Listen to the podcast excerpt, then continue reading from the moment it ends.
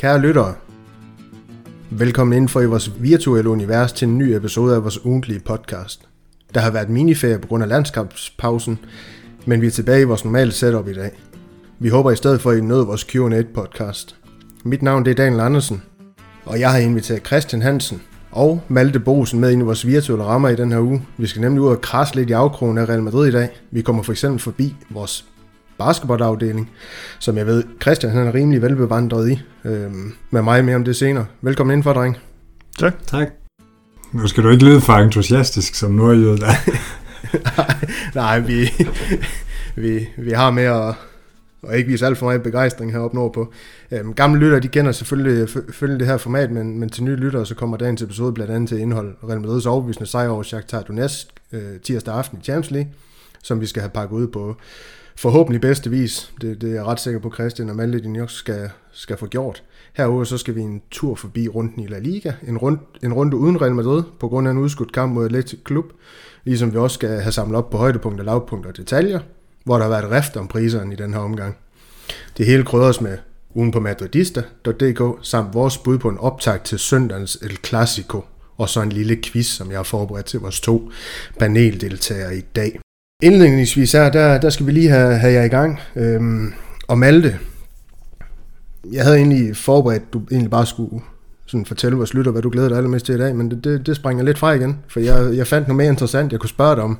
Jeg ved, du, øh, du lyttede til vores forskellige podcast om vores bud på alle tiders Real Madrid-hold, inden du selv blev en stemme på den her podcast. Det er i hvert fald det, du har, har fortalt mig. Øh, og og nu, nu skal du have lov til at reflektere lidt, og måske åbne op for, om vi skal have revurderet vores afsnit om den bedste otter i Real Madrids historie. Vi gik som, øh, vi gik som bekendt med, med Piri, øh, også der var med til at optage den. Og på grunden herfor kan, kan vores lytter øh, finde i vores lækre podcast Kartotek. Men øh, Malte, hvor langt er Modric efter ham i din optik, eller han måske endda foran? Og jeg kan forestille mig, at I har, I har haft nogle gode argumenter for at smide Piri ind foran øh, Modric, og der var også øh, kommet noget mere ansignitet på, øh, på Modric siden den øh, udsendelse, der må vel være, den er vel to, års, to år gammel efterhånden. Det er der omkring, ja.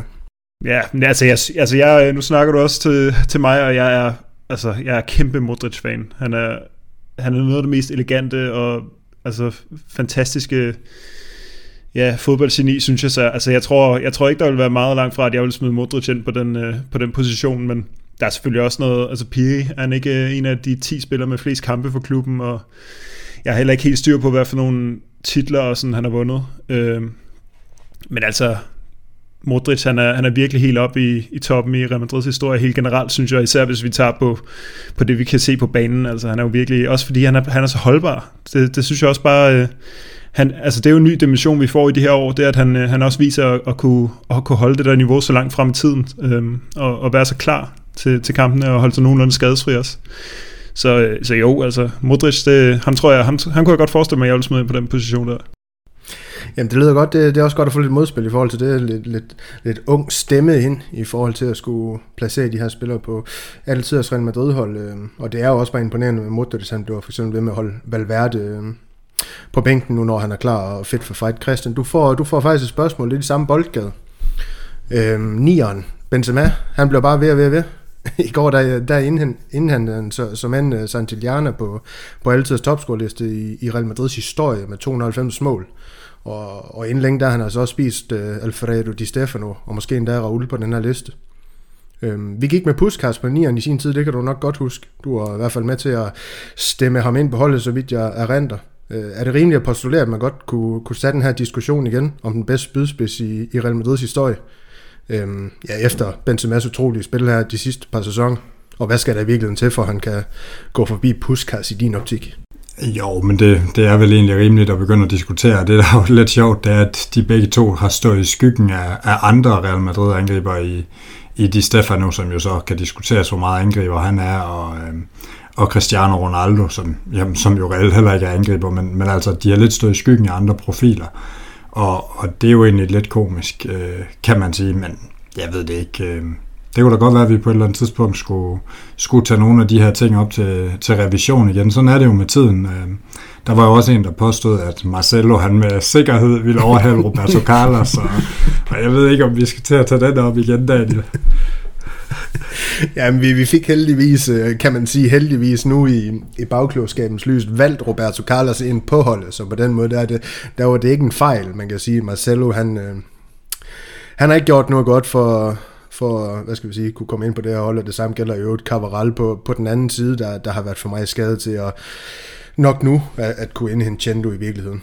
Men øh, spændende, det kan være, at vi skal have den her diskussion igen på et eller andet tidspunkt, om, om ja, altid sådan som ledhold i virkeligheden. Det, det er jo også en, en størrelse, der bliver ved med at komme nye nuancer i. Spændende tanker, gutter. Øh, inden vi lige hopper ud i øh, ugens kamp for Real Madrids vedkommende, den her mod Shakhtar Donetsk, der skal vi have skudt quizzen i gang. Og øh, der er El Clasico på søndag. Det betyder naturligvis, at vi skal have gang i en lille El Clasico quiz med det, jeg sådan lige hurtigt har kunne støve frem fra, fra gemmeren om noget statistik og så videre og så videre. Øhm, første, første runde, det bliver den, der kommer tættest på øh, svaret, der, der får point. Øhm, Real Madrid og Barcelona har mødt hinanden 226 gange i historien ifølge Transfermarkt. Real Madrid har vundet 92 kampe, Barcelona 86. 48 er endt i remis. Men hvor mange mål har Los Blancos scoret mod katalaneren i historien på tværs af alle turneringerne? Og det er altså den, der kommer tættest på antal mål i de her 226 kampe øh, for Real Madrids vedkommende, der, der får et point i den her runde. Hvem, hvem skal starte? Jamen øh, lad os bare, Malte, du, du får lov til at starte. Du vandt sidst. Ja, okay. Øhm, Ja, det er præmien. øh, ja, det siger mig ikke så meget egentlig, altså, om, vi, om det er meget over eller Siger meget... El Clasico, der er ikke så meget, eller hvad? Du sidder Ej, og det, fortæller siger vores ikke, det, er ikke, det er ikke så fed kamp. Ej, det, det siger mig ikke så meget om, om statistikken, om den taler for, at vi har scoret så over 300 mål, eller hvad, fordi vi, vi har jo selvfølgelig haft en del mållø, målløse, og så har vi også vundet nogle store. Og skal vi ikke... Jeg siger, jeg siger 310. Det er et, øh, det er et solidt bud.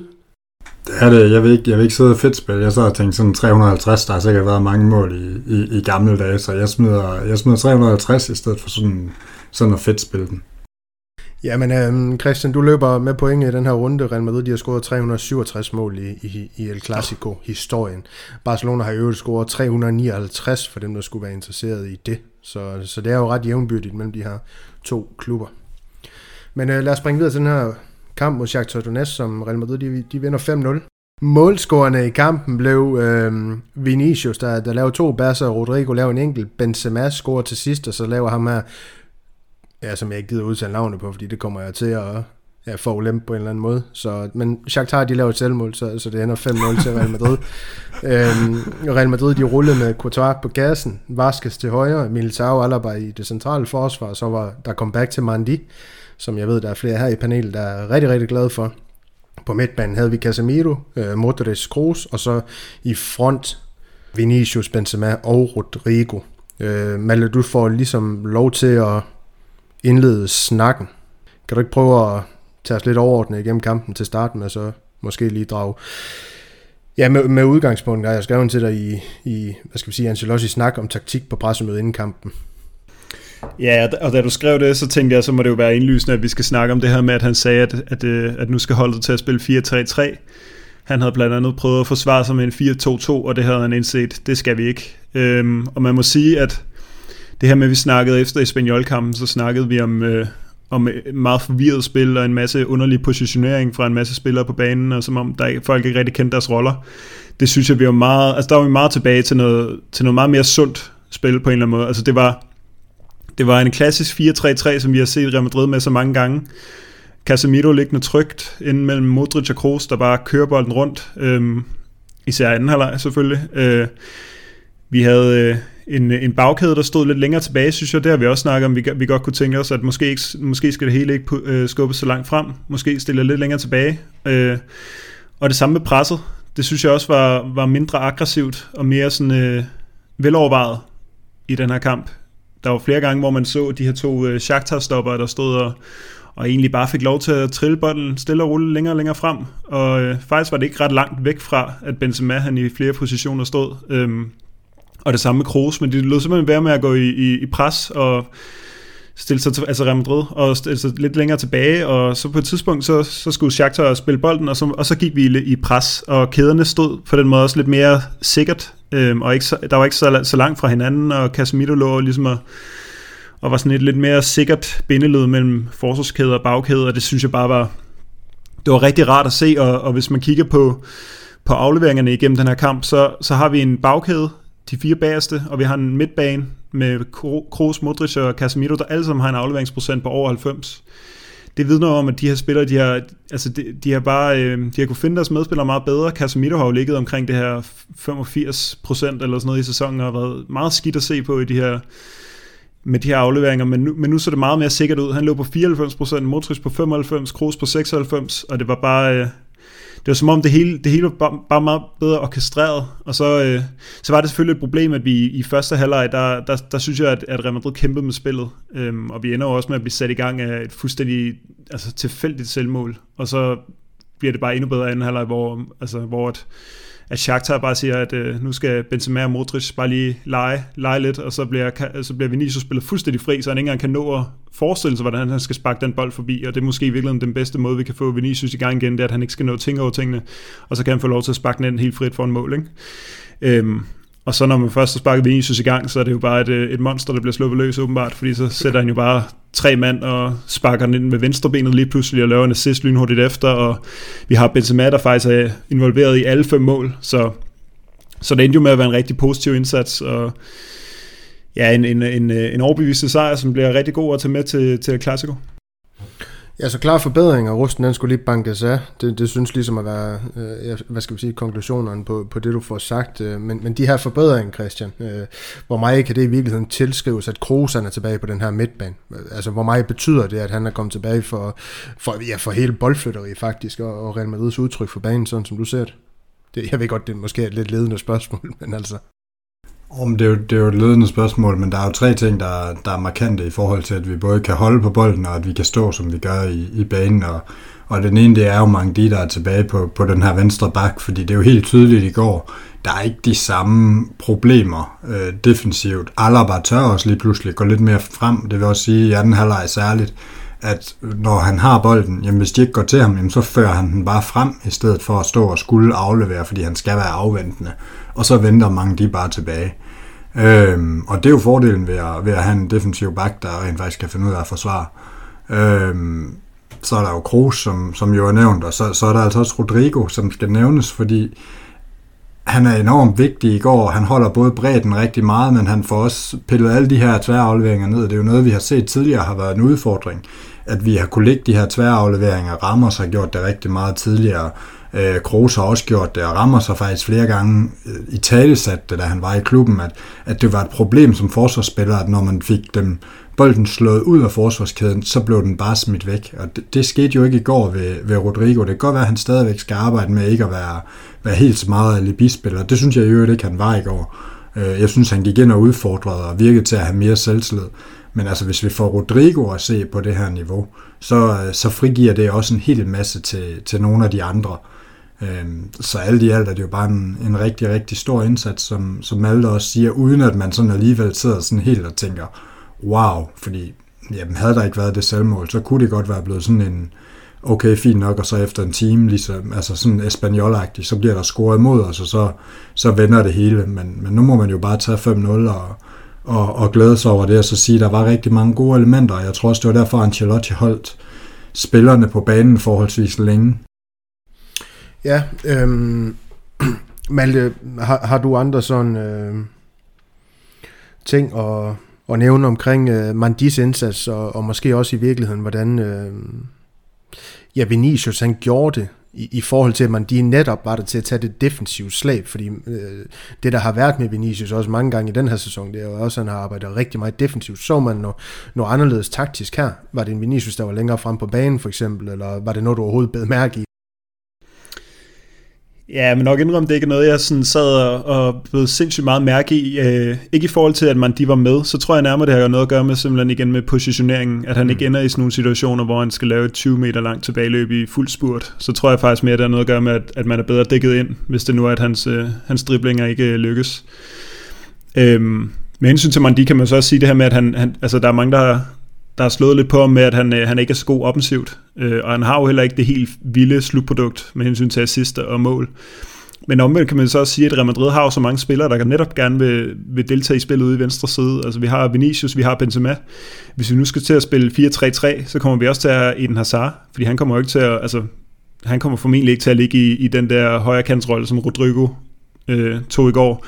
Jeg synes også, det er fuldstændig rigtigt, det Christian siger om Rodrigo. Altså, han er, altså, det er fantastisk det der. Altså, vi er, vi er, I så mange år har vi været vant til, at hvis vi skal have den der højrebenede breddespiller, der bare lige kan, kan tage højrekanten for rent faktisk at skabe bredden, så er det altid Lukas Vaskes. Hvis vi vil have en lidt mere boldspillende højrekant, så er det sådan noget Asensio eller Bale. Ikke? Nu får vi Rodrigo, der bare fuldstændig kan tage den der rolle i stedet for, i stedet for Vaskes, og så... Øhm, altså det, og han er hurtig, og han er, han, er, han er energisk, og jeg synes, det er fantastisk at se. Øh, og så med hensyn til Mandi, så er det jo bare det der med, at han, altså, han, han står bare rigtigt. Der, altså håndværket er bare på plads, og det, det, det, det er simpelthen sådan en befrielse at se, når vi har, når vi har set Nacho og, og faktisk også Miguel derude. Øhm, der var også den her seance ved, i første halvleg, hvor Shakhtar får spillet sig ned bagved Vaskes. Naturligvis, det viser sig så, at der var offside, men øh, der viser man de altså lige, hvordan man følger med sin, øh, sin angriber, der tager et, et, et, øh, et løb hele vejen ind igennem feltet. Så det, der, der er jo dårlige øh, flashbacks til Raul de Thomas mål for Espanyol for nogle, for nogle uger siden. Han følger bare med, kommer ind foran og får sparket den væk. Ikke? Altså han, øh, han er kropstærk, og han er hurtig, og han, han, kan, han kan finde ud af at placere sig rigtigt, og det, det kommer virkelig til at være, altså det, hold da op, har man savnet ham, og det er sådan, man har savnet mere, end man lige, altså jeg, jeg kunne mærke, at jeg havde savnet ham mere, end jeg, end jeg sådan havde troet, jeg, jeg egentlig gjorde, for da han først var på banen, og bare spillede med, med selvtillid, og stille og roligt bolden tilbage, og du kan ikke lige vifte ham væk, og altså det var virkelig, det var virkelig godt at se ham tilbage. Ja, fem måneder. Fem måneder har han altså, altså været ude med, med den her skade, jo også genoptræning og alle de ting her, så det er, det er egentlig bare imponerende at stemme ind på den måde igen efter, efter så langt skadesforløb. Øhm, jeg håber også lidt, at han har gjort sine mange kritikere, som han har i, i Real Madrid-kreds, øh, lidt til skamme, fordi som du netop siger, altså det her impact, han har, man kan jo tydeligt se, øh, hvad det er, han tilfører Real Madrid's hold. Christian, du, du fik også ligesom til opgave, og så, vi har snakket lidt om den her offensiv, men, men det her trækløver, der starter den her kamp mod Shakhtar Donetsk, er, er, der, er, der, er der perspektiver i det? Er det det, vi skal til at se fremadrettet med de, de tre her? Altså man kan sige i forhold til Espanyol-kampen, hvor det faktisk var de defensive spillere, der har flest skud på mål, der stod Rodrigo for tre skud i, i kampen mod Shakhtar, Benzema 7, Vinicius 6, Kroos 2 og Modric 1. Jeg ved ikke, om det er et udtryk for, at de her tre de spiller i front, men, men det gav det så selv noget mere. Jo, men altså, jeg vil da være overrasket, hvis det er dem, der starter ind i El Clasico. Det vil da være, det vil da være mærkeligt ikke at give en angrebskæde, der laver, eller med, til at score fem mål. Mm. Ikke at give dem genvalg, men altså, man skal man sige, det er jo også lidt det, der er, er både det gode og det dårlige. Det er for det første, at vi aldrig har haft dem skadesfri på samme tid og i form. Øhm, så vi har ligesom kun set det her i glemt. Og så har vi jo set enten Vinicius eller Rodrigo falde ud i, i lange perioder. Så, så det ville da være skønt, hvis de kunne begynde at bygge på og, og få en længere periode, hvor de, hvor de var gode, eller måske sådan lidt på skift leveret i kampen. Altså lidt ligesom i går, hvor, hvad skal man sige, Rodrigo han bliver jo ligesom også god i det Vinicius får scoret og åbner banen op og, og omvendt. Ikke? Altså det, det er jo bare med til at gøre noget, når, den, når der kommer noget fra både den ene og den anden side. Vi har jo set i mange kampe, vi så jo også i starten, at Vinicius var bedre, da Bale var med, øh, fordi Bale han trak noget opmærksomhed. Øh, og så er det ligesom om, at han sådan ligesom er fadet ud her, hvor man har forsøgt noget med, med Hazard som hængende angriber, hvor man har forsøgt Asensio, og hvor man ikke har forsøgt af forskellige ting og sager, og Valverde derovre. Altså. Men, men Vinicius bliver ligesom bare bedre af, at der er en, der trækker opmærksomheden modsat. Og omvendt så kan man jo også se i går, jamen, hvor skævt Shakhtars kæde den nogle gange er, fordi de vil over og dække af omkring Vinicius og Benzema, og så bliver der jo bare plads til sådan en som Rodrigo. Så så det vil da være, det vil da være fedt at, at se dem igen, og det vil da være fedt, hvis de kan holde form. Men, men jeg er også en lille smule bekymret for, om, om særligt de to brasser, de, øh, de, de er gode i, i 30 kampe i løbet af en sæson på samme tid. Ja, det må jo komme an på en prøve. Altså, før den her sæson, der havde Vinicius heller ikke øh, produceret så mange mål af assist, skulle jeg næsten til at sige, i, i, i samme sæson, som, som han har nu. Så der er jo forbedringer Ja, over det hele. Øh, I, I hvert fald hos Vinicius, så lad os da håbe, der også kommer det i forhold til det her med Vinicius og Rodrigo, de kan spille sammen på samme tid. Malte, du får lige lov til at knytte en sidste bemærkning på den her kamp, fordi så synes jeg, at vi skal glide videre i agendaen. Øh, Casemiro, kunne man se, han havde fået en, øh, en lang pause i, i den her kamp mod Shakhtar Donetsk. Er han tilbage, øh, også i forhold sådan lidt til, til kampen mod Barcelona her på, her på søndag? Og det er meget, det er meget hurtigt at konkludere, konkludere, at han er tilbage, øh, men han var, han, jeg synes, han var meget bedre. Øh, jeg ved så ikke, om det rent faktisk har noget med pausen at gøre eller ej. Altså, han er jo ikke sådan en... Ja, det ved jeg. Det, altså, det kan jeg bare ikke lige sige, men jeg tror, jeg, jeg tror igen, det her det har noget at gøre med positioneringen, og at han, han, han, var, han var bedre dækket ind, og han var, ja, han var tilbage, i trygge rammer, og det var selvfølgelig, det er selvfølgelig meget optimistisk også, ikke mindst for hans selvtillid. Det, det kan man jo ikke, øh, altså, det, det, han må jo få selvtillid af den her slags, øh, slags kamp, og det er, jo, det er jo bare godt at have med til, til et klassiko. Ja, lige præcis. Øh, har vi mere, vi skal have sagt om den her kamp? Nu sagde jeg jo, at øh, vi skulle glide videre efter den her bemærkning, men er der nogen af jer, der brænder ind med en pointe, eller noget, I har tænkt lidt over, Christian? Ja, men det er nok også noget, vi kommer ind på, på andre gange, men, men det er Tone Kroos. Jeg, jeg synes, han så mere frisk ud i går. Mm. Um, og jeg tror ikke, man skal undervurdere, at, øh, at den Kroos, vi så i løbet af sidste sæson, han var, han var både træt og slidt og, og spillede med skader, har vi jo også fået at vide. Øhm, jeg synes bare, han virkede på en eller anden måde lidt mere frisk øh, og overskudsagtig i går, og jeg håber da, at det er den Kroos, vi får at se, fordi så ved vi jo også godt, hvad han kan bidrage med, og hvor, hvor eminent en fodboldspiller han er, også til at gøre dem omkring sig gode, uden man egentlig lægger mærke til ham. Øhm, så jeg håber, det, det er det, vi kommer til at se, fordi det vil, det vil hæve niveauet, og, og det er jo til vores fordel, at han har sagt nej til landsholdet, særligt nu, hvor der skal være VM-runde hver, hver anden uge, så, så, er det jo, så er det jo ret fedt, at, at han ikke skal spille med landsholdet. Det, vi ved, det kan give en friskhed for spillere, særligt dybt i sæsonen, og, og det kan altså godt blive ret afgørende. Jamen øh, lad, os, øh, lad os slutte på den note øh, fra Christian, og så hoppe videre til ugen på madridist.dk, der, der måske i virkeligheden blev lidt anderledes i den her omgang. Øhm, vi har nemlig valgt at dedikere lidt taletid til Real Madrids basketballhold øh, i den her sektion i podcasten. Øh, men først, Malte, der får du lige lov til at rulle din nyhed ud om Feminino-holdet, den her med slut på Real Madrid Feminino sejrstime. Ja, jamen vi, vi snakker om, at vi lige skulle have et lille, en lille Feminino-blog med, og den kan vi jo så få ind her. Øh, Dedikeret til Karoline Møller, ikke? Ja, det, er ikke, det bliver ikke en pæn blog, Daniel, så det håber jeg ikke. Fordi øh, Ja, det er, ikke, det, er ikke, det er ikke positivt, det der kommer nu. Fordi vi har så snak en... pænt om hende, det kan jo være, hun lytter med. Men... Jeg snakker det så pænt som, som overhovedet muligt. øh, og hun er jo faktisk også øh, højdepunktet i trods alt. Fordi vi var jo, en, øh, vi var jo i sådan en stime efter en rigtig dårlig sæsonstart, hvor det eneste gode, vi havde opnået, det var at komme med i Champions League, hvilket selvfølgelig også er, er virkelig flot. Men så kørte det jo bare skrækkeligt i, i, øh, i ligaen. Og endelig kommer de tilbage på sporet med først en, en, øh, en sejr i Champions League, så får de sæsonens første sejr i, i La Liga, hvor, eller Liga Bedrola, den spanske kvindeliga, hvor øh, Møller Hansen, Karoline Møller Hansen, så også får scoret et flot hovedstødsmål.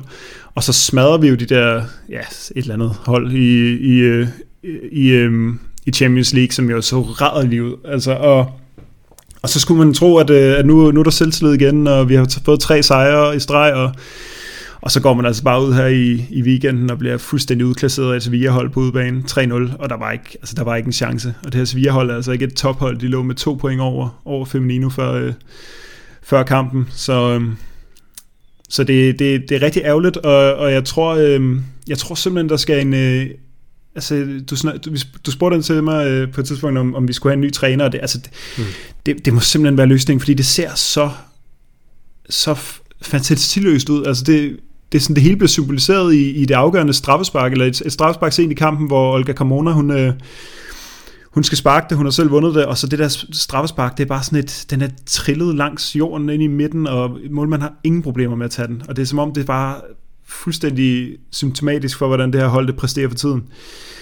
Så, øhm, så hvis man gerne vil med på det her Feminino-tog her, så tror jeg måske, man skal vente til, til Arsenal, han bliver, han bliver erstattet, eller der i hvert fald kommer nogle af de her mange, mange, mange spillere tilbage fra, fra skader. Så øhm, ja, det er, en lidt, det er en lidt ærgerlig status i den her omgang, men øh, ja.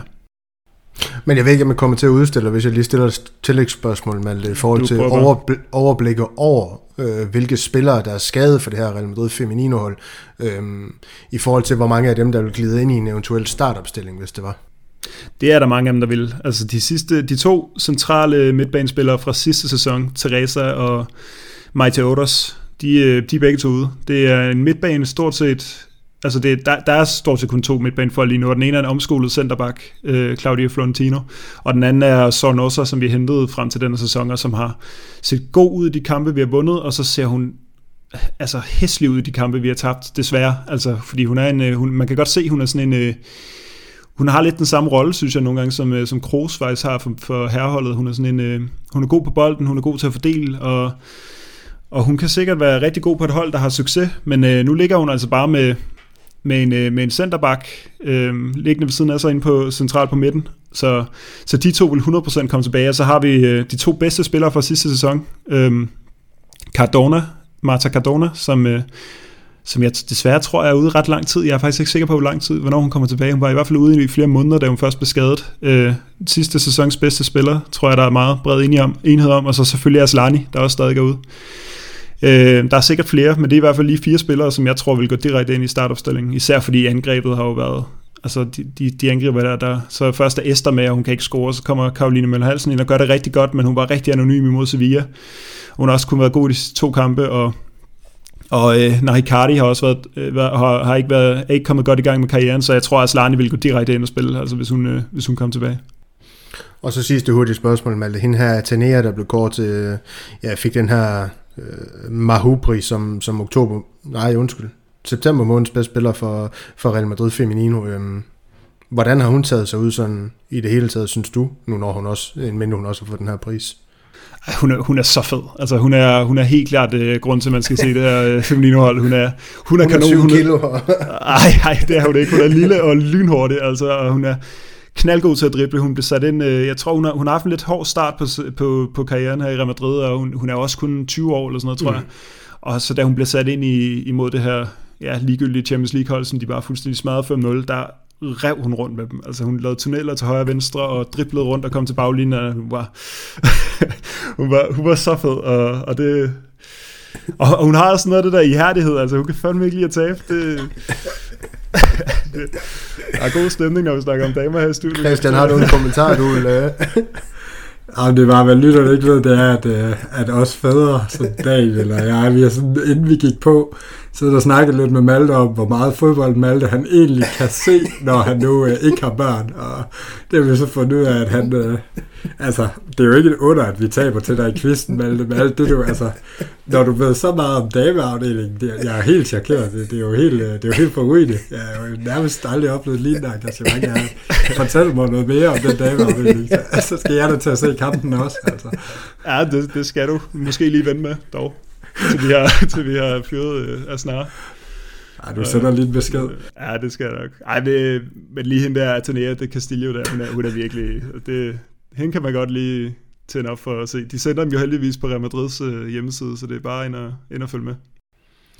Jamen ja, jeg må sige, jeg synes, det er fuldstændig fabelagtigt. Øh, så ja, faktisk detaljeret, du kan, du kan gå ind i det her ja, Feminino-projekt, deres kampe og alle de ting her. Det, det er dejligt at have sådan en mand med i, med i panelet, der kan ja, skære det helt ud i pap på en eller anden måde. Jeg ved også, at øh, vi har en anden mand med i dag, der kan skære basketball, de, basketball afdelingen ud i pap.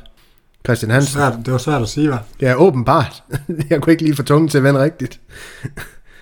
Så kan du fortælle os noget om basketball afdelingen i, i Real Madrid? Jeg har ikke lavet oplæg til det, så det er egentlig bare dig, der får lov til at køre en monolog nu ja, men det ved du, jeg ikke bryder mig om. Øh, nej, øh, jamen, jeg, jeg nævnte jo for dig, at, øh, at, at Rudy Fernandes, han, øh, han rundede 600 kampe, og det, øh, det kan man jo godt sådan lige sidde og stusle lidt over, når vi for nylig skulle kysse spillere med, med flere kampe end uh, Chendo at, øh, at der ville Rudy Fernandes altså være med på, med på listen, hvis vi tog basketspillere med. Det er klart, at de spiller flere kampe i en sæson, end, øh, end man gør i fodbold, men, øh, men 600, det er alligevel 11 sæsoner, og det er, det er 20 titler.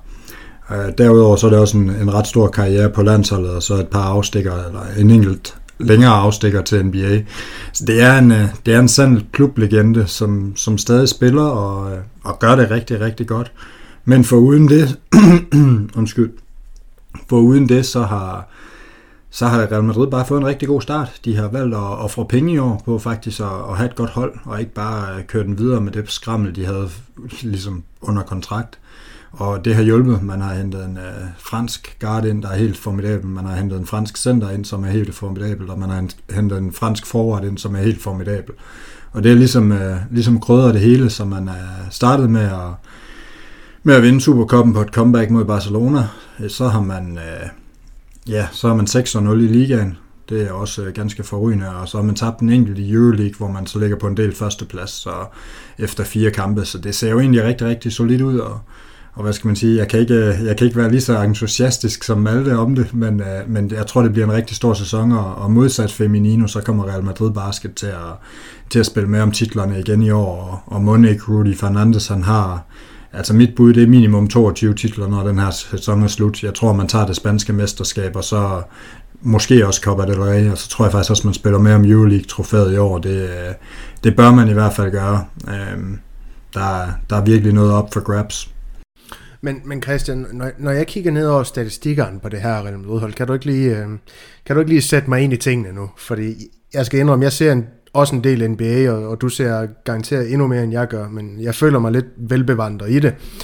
Øhm, hvordan kan det være, at Real Madrids topscorer, det her points per game, det er ham her Vincent Poirier med 10,7. Øhm, hvordan er setupet i europæisk basket, om jeg så må sige? Altså, det her, det er jo en øh, nærmest middelmodig bænkspiller i NBA, øh, plejer snit i per kamp, ikke?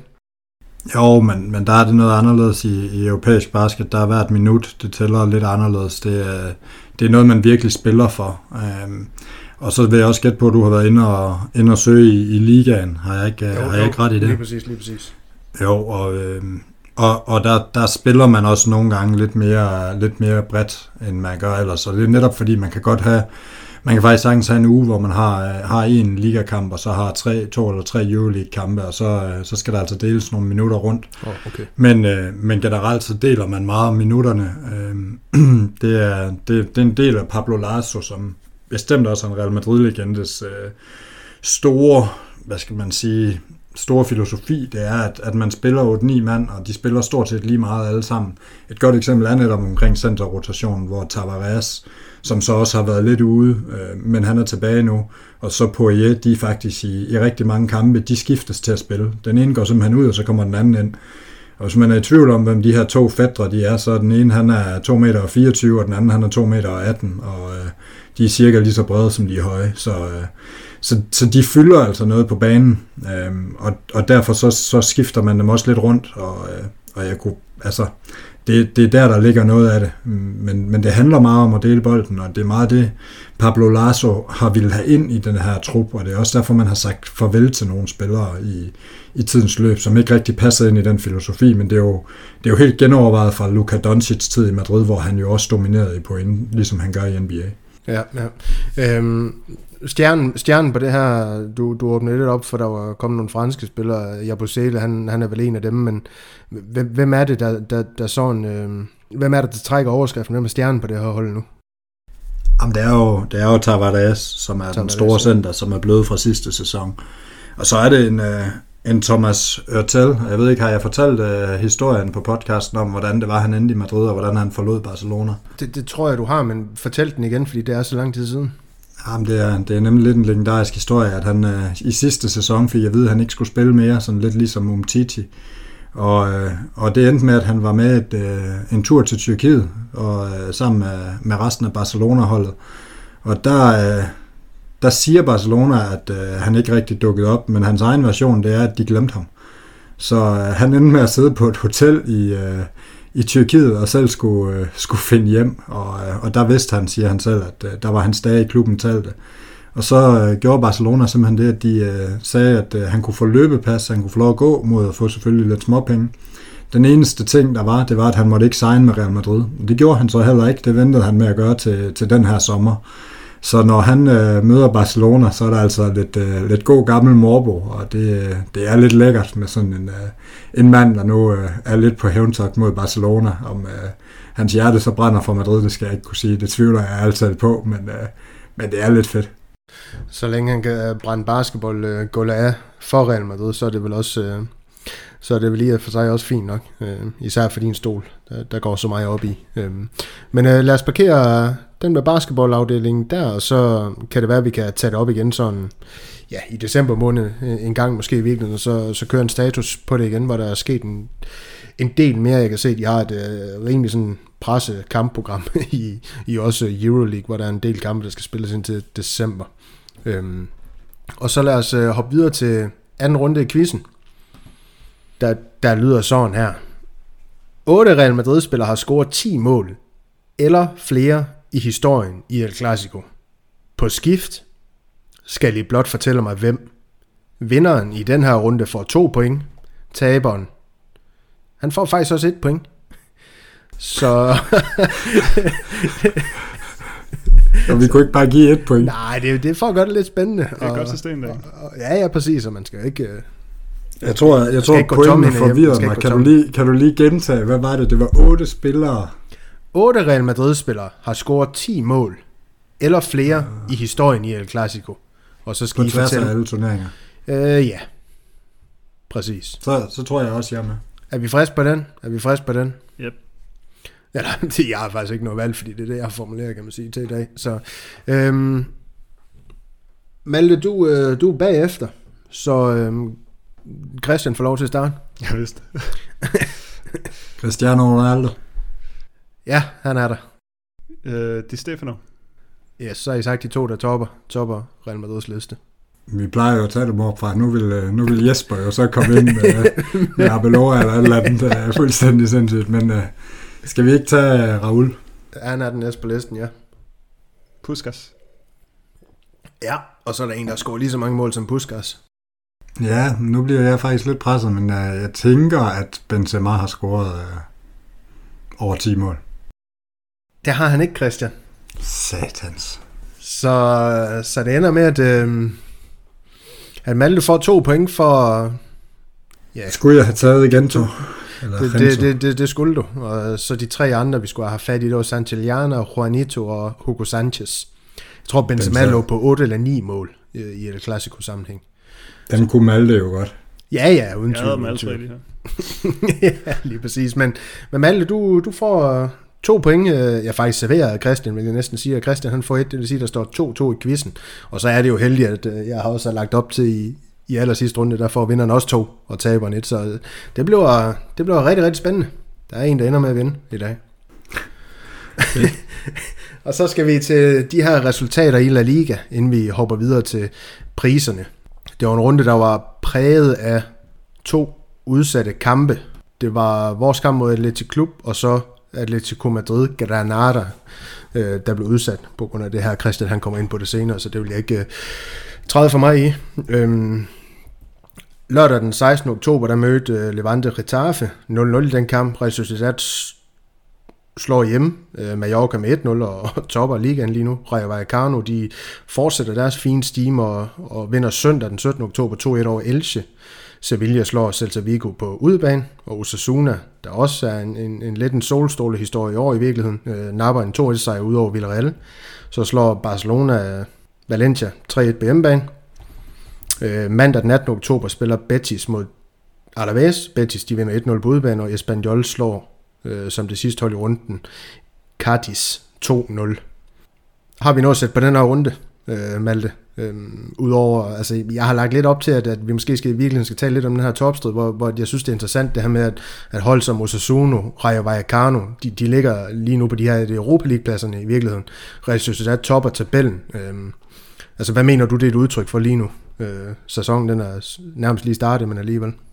Jamen, det, det er jo et udtryk for, at, at, at ligaen er, er tættere, end vi ligesom har været vant til i, i mange år. Øhm, Altså, hvis vi ser på, på de her, på, på hvor mange øh, kampe holdene har spillet, 8 og 9 kampe, så har alle hold allerede smidt point tre gange, mindst. Øh, det gælder også Sociedad, de har spillet to uger og tabt en. Det gælder, det gælder Sevilla, Atletico Madrid og Real Madrid. Alle sammen har, har spillet to uger og tabt en, ud over sejrene. Så det er jo det er mange hold, der, der smider point, og dermed så bliver det jo også lidt mere, øh, lidt mere kompakt op i toppen. Og vi har jo, øh, ja hvad er det, vi, det er fra anden pladsen til 8. pladsen, der har vi alle holdene inden for to point. Godt nok lige med vores, øh, vores, forud, altså det, vores øh, personlige top 4 med, med Real Madrid, Atletico, Sevilla og Barca. De har alle sammen spillet en kamp mindre end de andre, men, Men, øh, men trods alt stadigvæk en meget... Øh, altså der kan ske meget med en sejr og et nederlag, så kan Betis lige pludselig rykke op som nummer to og, og overhale en, en masse klubber, ikke? Så det, det må være fordi, at der... Ja, altså det er jo, det er jo selvfølgelig fordi, at, at topklubberne, de, øh, de smider point, som vi, vi skal til at vende os til, at de gør, og som vi også har været lidt vant til måske de sidste par sæsoner. Øh, og så at, øh, at der lige nu her er der to hold som Osasuna og Rayo, der ligger oppe i toppen. Vi har måske været vant til, at det er, det er Granada, så lige siden de rykkede op, så er de ligget oppe i toppen øh, de sidste par sæsoner. Det er de godt nok ikke lige nu. Øhm, så, så ja, det er jo sådan en god blanding af nogle hold, der ikke rigtig lever op til deres standard, og et hold som Sociedad, der, der, øh, der har tur i den lige nu, og så nogle, øh, nogle overraskelser. Jamen, øh, Christian, der er spillet med lidt god vilje en fjerde eller sæson. Ser du de her hold, øh, som, som nævnt, altså Osasuna, Rayo Vallecano, Real Sociedad, som langtidsholdbare øh, i La Liga i år? Øh, eller er det, er det på lån tid, de ligger, hvor de gør, gør nu i tabellen, når det hele det, det kommer til at, at være, som det plejer, om jeg så må sige? Ja, men det tror jeg med tiden, så vil det jo så vil det ende den vej. Altså nu, øh, nu har jeg kritiseret, eller kritiseret, nu har jeg grinet lidt af Malte for, at han kan så meget fodbold, og øh, jeg må jo så øh, erkende, at jeg så altså faktisk så, så det meste af Villarreal Osasuna i, i weekenden, og Altså, jeg har da sjældent set et hold være spillet så langt under gulvtæppet, som, øh, som Osasuna var det. De, øh, de kunne nærmest ikke få bolden over midten i anden halvleg, og så, så vil, vil verden ikke hverken være eller bedre, end at mange de fra, eller Mandi, eller hvordan man udtaler det, fra Villarreal, han, øh, han vælger at øh, forære Osasuna et sejrsmål i en situation, hvor de er spillet fuldkommen under gulvtæppet ved at lave en tilbagelægning, som jamen, knap nok er en tilbagelægning, og så kan, så kan Osasuna ellers løbe op og, op og vinde, øh, vinde den kamp 1-2, og, og hvis man kigger lidt på stillingen, så betyder det reelt set, at de to hold, de bytter, de bytter position. Øhm, så det viser jo lidt om også, hvor tæt det er om, om med tiden. Altså, Osasuna vil ikke få de der foræringer. De kan, ikke, de kan ikke blive ved med at få dem i en hel sæson. Det er lidt det, jeg prøver at sige. Øh, så med tiden vil et hold som Osasuna falde, men, men det er jo ikke sikkert, at de vil falde længere, end at, øh, end at de stadigvæk måske vil lægge 8-9 stykker. Øh, fordi nu har de fået nogle point også mod nogle af de gode hold, og så kan det jo godt være, at de kan, de kan hive flere point mod, mod de dårlige. Men, øh, men det var bare sådan et eksempel på, at hvad skal man sige, tabellen lyver også, og det gør den jo ekstra meget, når det er lidt tættere, end det plejer. Men lige så stille, så tror jeg også, at vi vil se det, at de her trupper, de klubber med, med brede trupper vil, vil klare sig bedre, og der, der står Real Madrid jo som en af dem. Atletico Madrid har også en enorm bred trup. Øhm, og så måske nogle af dem, der ikke spiller europæisk, og det kunne jo så tale i nogens favør, men, øh, men altså, kvalitet vil som regel besejre ikke kvalitet over tid. Ja, lige præcis, men lad os parkere rundt i La Liga her, og så hoppe videre til de her priser, vi har i har sendt til mig, og jeg, jeg byder også ind med nogen. Øhm, lad os starte med, lad os starte med, med detaljerne. Øh, derefter lavpunkterne, og så slut med højdepunkterne. Øhm, Malle, du kan få lov til at... Du har egentlig bare skrevet en Regilon. Det ved jeg ikke, hvad det går ud på, men det ved du selv. Ja, det var, jeg synes jo egentlig ikke, der var så mange oplagte i den her, i, i den her La Liga-runde, og så, øh, så sad jeg og så den her Newcastle-Tottenham-kamp, hvor det, øh, at der lige pludselig var en, øh, en, øh, en tilskuer, der til synligheden havde fået et, øh, et hjertestop på, på tilskuerrækkerne, og det var, det var Long rigtig hurtigt til at tage fat i, i kampens dommer og sige, at uh, der, var, der var noget galt ude på rækkerne, og så fik de, så fik de stoppet kampen og fået en hjertestarter ind, og det hele, det hele gik meget hurtigt heldigvis, og tilskueren blev fragtet ud af stadion, og han skulle vist være stabil, i hvert fald det sidste, som jeg har hørt. Så øh, ja, jeg valgte at lave det her lille skud til vores, øh, til vores øh, gamle venstreback, Regilon, fordi det var, der var han, der var han hurtig, og han blev også klappet ind på banen efterfølgende af Newcastles fans der, så det var, ja, det var egentlig bare en lille, lille stykke anerkendelse herfra. Skud til Regilon for, for at redde liv, om man så må sige. Øh, Christian, videre til dig. Um, Ancelottis åbenhed, vi har måske været lidt inde på det i virkeligheden, men øh, kan du prøve at folde den lidt ud, hvad du mener med det?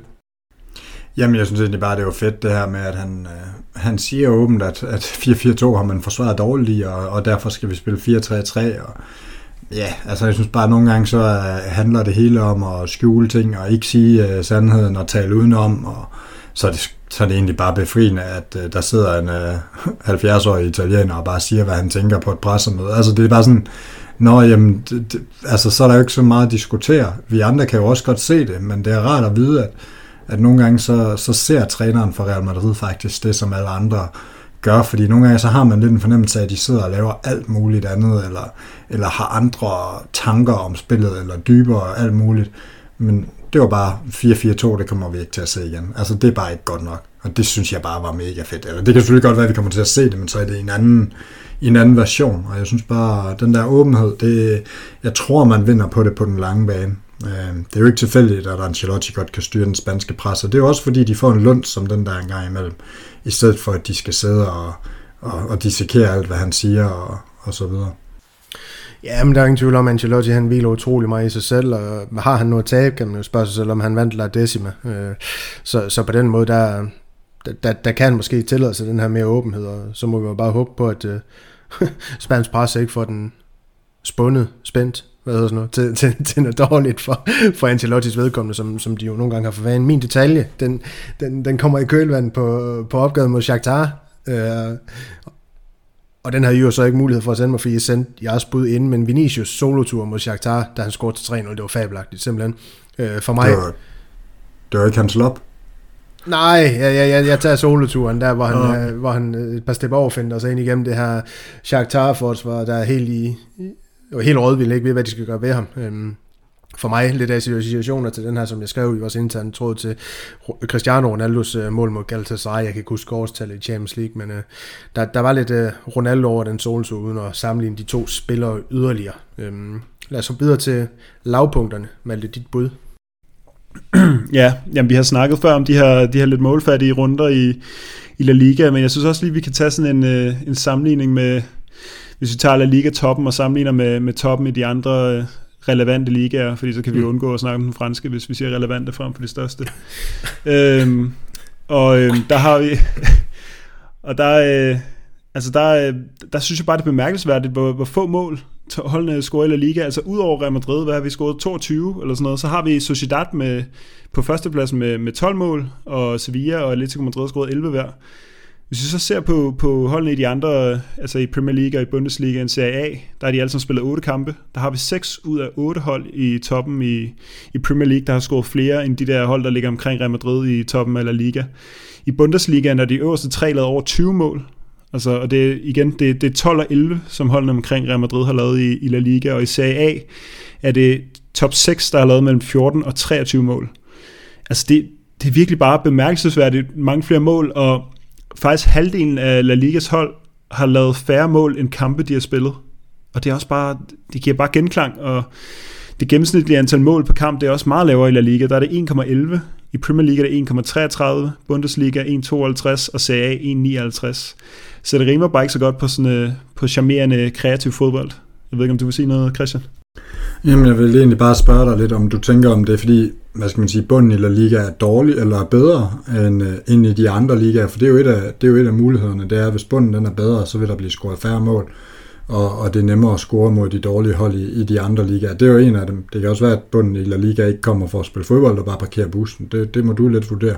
Og så, så har jeg også tænkt over det lidt, og, og, og tænkt lidt, at det er jo også det, vi ser med det spanske landshold, at de spiller bolden rundt, og de har bolden meget, og de får egentlig også skabt nogle okay resultater, men de scorer jo ikke pokkers mange mål. Om det er sådan lidt en efterdønning af den her, hvis man ser, så det er jo tit 6, 8, 10 år efter, man ser konsekvenserne af, hvad man har ændret. At, at man, da det gik godt med Guardiola, det gik egentlig også godt med Spanien, med det her tiki-taka-agtige bold, at der gik man jo rigtig meget op i boldbesiddelse, og man gik rigtig meget op i at spille indtil, indtil man var sikker på at score nærmest. Og så havde man selvfølgelig et par udenlandske stjerneangribere, i, i hvert fald i Barcelona, i eh, og Messi, som, som sparkede bolden ind. Men ellers så, eh, så havde man jo bare rigtig mange gode midtbanespillere, og vi ser jo også næsten alle, der kommer op fra Spanien lige nu. Men det er fremragende gode midtbanespillere. De er eminente på bolden, alle sammen helt ned til de 17-årige. Men, men der kommer jo nærmest ingen angriber. Altså om der måske er en sammenhæng mellem noget af det. Altså, det er jo bare, det er bare løse tanker. Jeg kunne godt tænke mig at høre, hvad du tænker om det, Malte. Om der er nogle årsager, eller om det er rent tilfældighed. Ja, jeg, øh, min fornemmelse det er, at, at vi desværre har for mange gode resultater for i La Liga forbundet med sådan noget Diego Simeone-bold. Altså vi har jo været efter Getafe. Jeg har været rigtig meget efter Cardis. Øhm, sådan nogle hold der, der, der virkelig bare øh, sætter sig op i nogle meget kompakte blokke, og så, og så spiller de på resultatet. Øhm, det synes jeg ligesom, øh, det, det virker som om, at det, at det er den slags fodbold, der ofte bliver, bliver spillet. Vi har selv spillet mod Villarreal-hold for ikke så lang tid siden, der bare Altså, jeg, jeg har aldrig set noget så kedeligt, som at en målmand bare er indstillet på at skulle stå 90 minutter i, i streg øh, i, en, i en helt fodboldkamp for, for, for bare at vente på, at Real Madrid skal op og tage initiativ, for ellers så tager de intet initiativ selv. Og jeg tror, der er lidt for mange af de der hold... Øh, det, altså sådan et Mallorca-hold blev fuldstændig splittet og så bliver, det, så bliver det en sjov kamp, det Real Madrid spiller mod dem, men altså var deres interesse ikke også bare at stille sig ned og, og, og, og barrikere sig i forsvaret? Jeg synes, mange af de her mange af de her hold, de låser hinanden fuldstændig, når de spiller mod hinanden. Altså mange 0-0-kampe har vi ikke haft. Også i, i den her runde havde vi Levante, Getafe, de to fyrede træners ekshold der, spillede 0-0. Jeg tror, øh, jeg har hørt en kamp omtalt, som jeg vist nok, gudskelov ikke selv så. Øh, Atleti Klub mod Atletico Madrid, der vist skulle være den kedeligste kamp i mands minde, som også vist blev 0-0. Og, og jeg tror, det er lidt for resultatorienteret og, og lidt for meget... Øh, ja, nu sagde jeg ærgerligt med, at der, der ikke er så meget kreativ fodbold. Jeg tror, det er fordi, at det, Altså jeg tror lidt, det der den ligger, at, det, at prioriteringen ligger andre steder lige for tiden, og der er for få af de her hipsterhold, som, som Levante i de sidste par sæsoner, som Granada i de sidste par sæsoner. Øhm, for mange hold, der, der simpelthen spiller på, på resultatet. Ja, i den forbindelse, der skal man måske i virkeligheden heller ikke undervurdere uden at sige, at der er alt for mange tv-penge i spansk fodbold. Altså de her hold, der, der bliver op i La Liga, de får så sat lidt flere penge, kan holde på de her spillere, de har, frem for at rykke ned, og så måske er nødt til at afhente nogle af deres øh, ja, bærende kræfter. For eksempel Espanyol, da de rykkede ned, de var nødt til at sende ham her Roca. Uh, måske havde de gjort det alligevel, men afsted til Bayern München. Det er bare for at sige, at øh, hvad kan vi sige, øh, deres udgangspunkt er jo måske, at de skal skrabe så mange point sammen som overhovedet muligt for at blive op, og derfor det her udtryk på banen, øh, den mere defensive stil. Øh, og meget kan man sige om Simeone, man har, har jo forandret fodbolden på en eller anden måde med, med det udtryk, øh, frem for det hele tiden skal være offensivt, så kan man jo mene om det, hvad man vil. Øhm, men Christian, videre til dig og, og din detalje. Øhm, nej, undskyld, dit lavpunkt. Goddag, Daniel. Øh, det var det her med det udsatte program, øh, grundet de her sydamerikanske spillere, som jeg lader være til dig. Jamen, jeg synes, jeg, jamen, jeg har lyst til at save, save klubbens prioriteringer og Altså, hvad, hvad, hvad tænker man? Hvorfor er det, det er så vigtigt at få udsat den kamp? Altså, jeg tænker bare, nu er det også mange kampe. Nu er det heldigvis også Atletico og Barca og Sevilla, der har valgt at udsætte, men altså, jo, vi ville ikke have Valverde med, det vil nok også koste Militao, men altså, så må vi skulle spille uden dem, og så få overstået den kamp. Altså nu ender vi jo bare med at have et endnu mere presset program i foråret, og det er jo ikke fordi Sydamerika, som jeg har forstået det i hvert fald, I må rette mig, hvis det er forkert, de lige pludselig tænker, om så, så flytter vi i hvert fald kampene til at ligge en dag tidligere. Altså de fortsætter jo med det her, så vi kommer til at have det her issue igen og igen. Øh, og så ender vi bare med at få ma- rigtig mange kampe, særligt hvis vi også skal langt i Copa del Rey og, og altså, det, jeg kan ikke rigtig se logikken i at udsætte det, i stedet for bare at knibe ballerne sammen, så får spillet den kamp, og så må det, jamen worst case, så mister vi point, men altså, det kan jo godt være, at vi mister point mod de hold alligevel. Altså, vi havde alle mand til rådighed mod, mod Espanyol, det gik jo ikke lige frem for rygende, vel? Altså, det er sådan lidt, jeg kan, ikke, jeg kan ikke forstå, hvorfor vi ikke bare spiller de kampe, i stedet for at udsætte dem, fordi Jamen, vi ved bare, at foråret, det bliver bare mega hektisk, og alternativet er, at vi skal spille på en dårligere bane i en meget, meget kold decemberdag, som bare heller ikke er optimal, og måske skal, skal tage noget af spillernes juleferie, som kan være rigtig vigtig restitutionspause, eller som sagt, at vi bare får et endnu hårdt program. Så jeg kan ikke forstå, hvorfor man har så travlt med at udsætte kampe. Jeg kan forstå det, hvis man er Barca og har en meget, meget smal trup, jeg kan forstå det, hvis man er Atletico og har nogle spillere, som er helt vildt bærende, men hvis man er Real Madrid og har Vinicius, som alligevel spiller 0 minutter med landsholdet, man har Valverde, som alligevel ikke starter inden, og man har så godt nok en midterforsvar i Militao, men som kan erstattes med Nacho, så har jeg svært ved at forstå det. Casemiro var jo også i Madrid den her gang, så, så jeg kan ikke forstå andet end, at det, det måske er blevet lidt en principsag, mm. men det er en principsag, som man reelt kun selv taber på, synes jeg. Så jeg ved ikke, om I andre har samme tanke. Jo, men jeg, jeg sidder faktisk lidt med det samme, da du får nævnt det her til sidst, det her med, at det ligner sådan et princip, Barcelona har gjort det, så, så gør vi det også agtigt for Real Madrids, øh, Real Madrids øh, vedkommende, og så, som du siger, altså en trup, den består af 25 spillere. Der, der er en grund til, at det består af 25 spillere. Et kampprogram. Øh, de spillere her, de skal jo bruges. Øhm, så som du siger, de kan jo sagtens blive brugt i et, øh, et presseprogram, hvor der er landskampe øh, og så videre, så kan man sige, hvis kampene de bliver udsat, det ved jeg om de gør, men helt til foråret, hvor vi kommer til, Copa del Rey, som du siger, der er knockout-kamp med Champions League. Øhm, Nå, men vi ved også, hvad fordelen er i at have en uges pause undervejs. Det ser vi nogle gange, det der med, at så er der faktisk en uge uden midtugekampe, som, hvor vi, det har vi i hvert fald set under Zidane nogle gange, at så er Real Madrid næsten kommet ud med et nyt udtryk, fordi de har haft tid til at træne. Altså man skal jo ikke undervurdere. Nu er vi, øh, hvad hedder det, i Kiev for at spille her i midtugen, og så skal vi hjem til Madrid. Der lander man højst sandsynligt tidlig morgen onsdag. Så, øh, så har man en halvdårlig eftermiddagstræning. Så torsdag, der, øh, der skal man måske også, der har man måske en træningssession. Fredag, der begynder man fysisk at gøre klar, og lørdag, der springer man træning over, og så skal man spille søndag i Barcelona, ikke? hvor man skal rejse. Altså, det, var, det, det er jo sådan en uge, man får en uge mere af senere hen, i stedet for bare at tage den kamp nu, og så få det klaret, og så jamen, worst case, så koster det et point. Altså, eller to point, eller tre point. Men, men det kan jo godt være, at vi taber de point alligevel. Jo, jo, men det er rigtigt nok, men det siger, det er, at hvis den kommer til at ligge et sted i kampprogrammet, hvor det alligevel ikke er, altså hvor det alligevel bliver tæt, så kan vi komme til at stå i en situation, hvor Real Madrid alligevel kommer til at bruge øh, spillere i periferien og holde.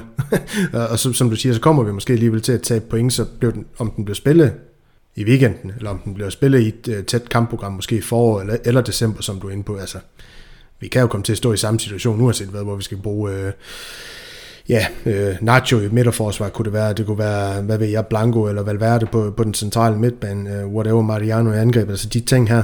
Øh, så det, det, ja, worst case scenario, altså det, det virker bare til os, og jeg er helt enig, Christian Øh, om jeg er også enig, og hvis, man skal, hvis man skal sælge det argument der til mig, så skal man bare sige det, som Christian sagde, med en eller anden kold decemberkamp, fordi der husker vi jo alle sammen skrækscenariet fra sidste sæson, hvor vi skulle til Osasuna og spille på en, på en isbane værste kamp, og den blev 0-0, og det, var, og det var med alle spillerne klar, så vidt jeg husker. Jeg kan huske, øh, Kroos lå der og havde svært ved at få sit spil til at fungere, så det, ja, jeg, jeg, jeg er enig, jeg synes også, det er en, det er en, håbløs, øh, en håbløs situation, og det, den, er også, altså, den er også sat lidt på spidsen lige præcis i den her omgang, ikke, hvor at, at Casemiro har tandproblemer, Militao rygproblemer, Vinicius ikke får spilletid selvfølgelig, ikke? Så, men ja, dum situation.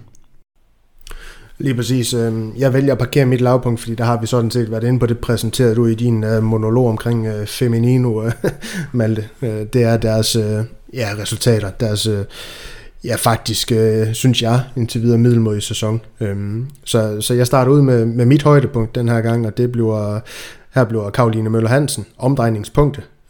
Jeg har valgt at tage fat i hendes, til at starte med, fabelagtig nedtagning mod det her hvad var det, de hed, Malte? det her hold, de, de mødte i Champions League, øh, som hun så også omsætter til mål, det var for mig kreds i topklasse. Og, og så har hun jo også begyndt at følge os øh, på Twitter, og det må da også øh, blive omtalt som et uh, særdeles stort højdepunkt for, for, for vores vedkommende lille milepæl på, på den platform. Så det, det er mit bud på et par højdepunkter fra, ja, fra siden sidst. Øhm, Malte?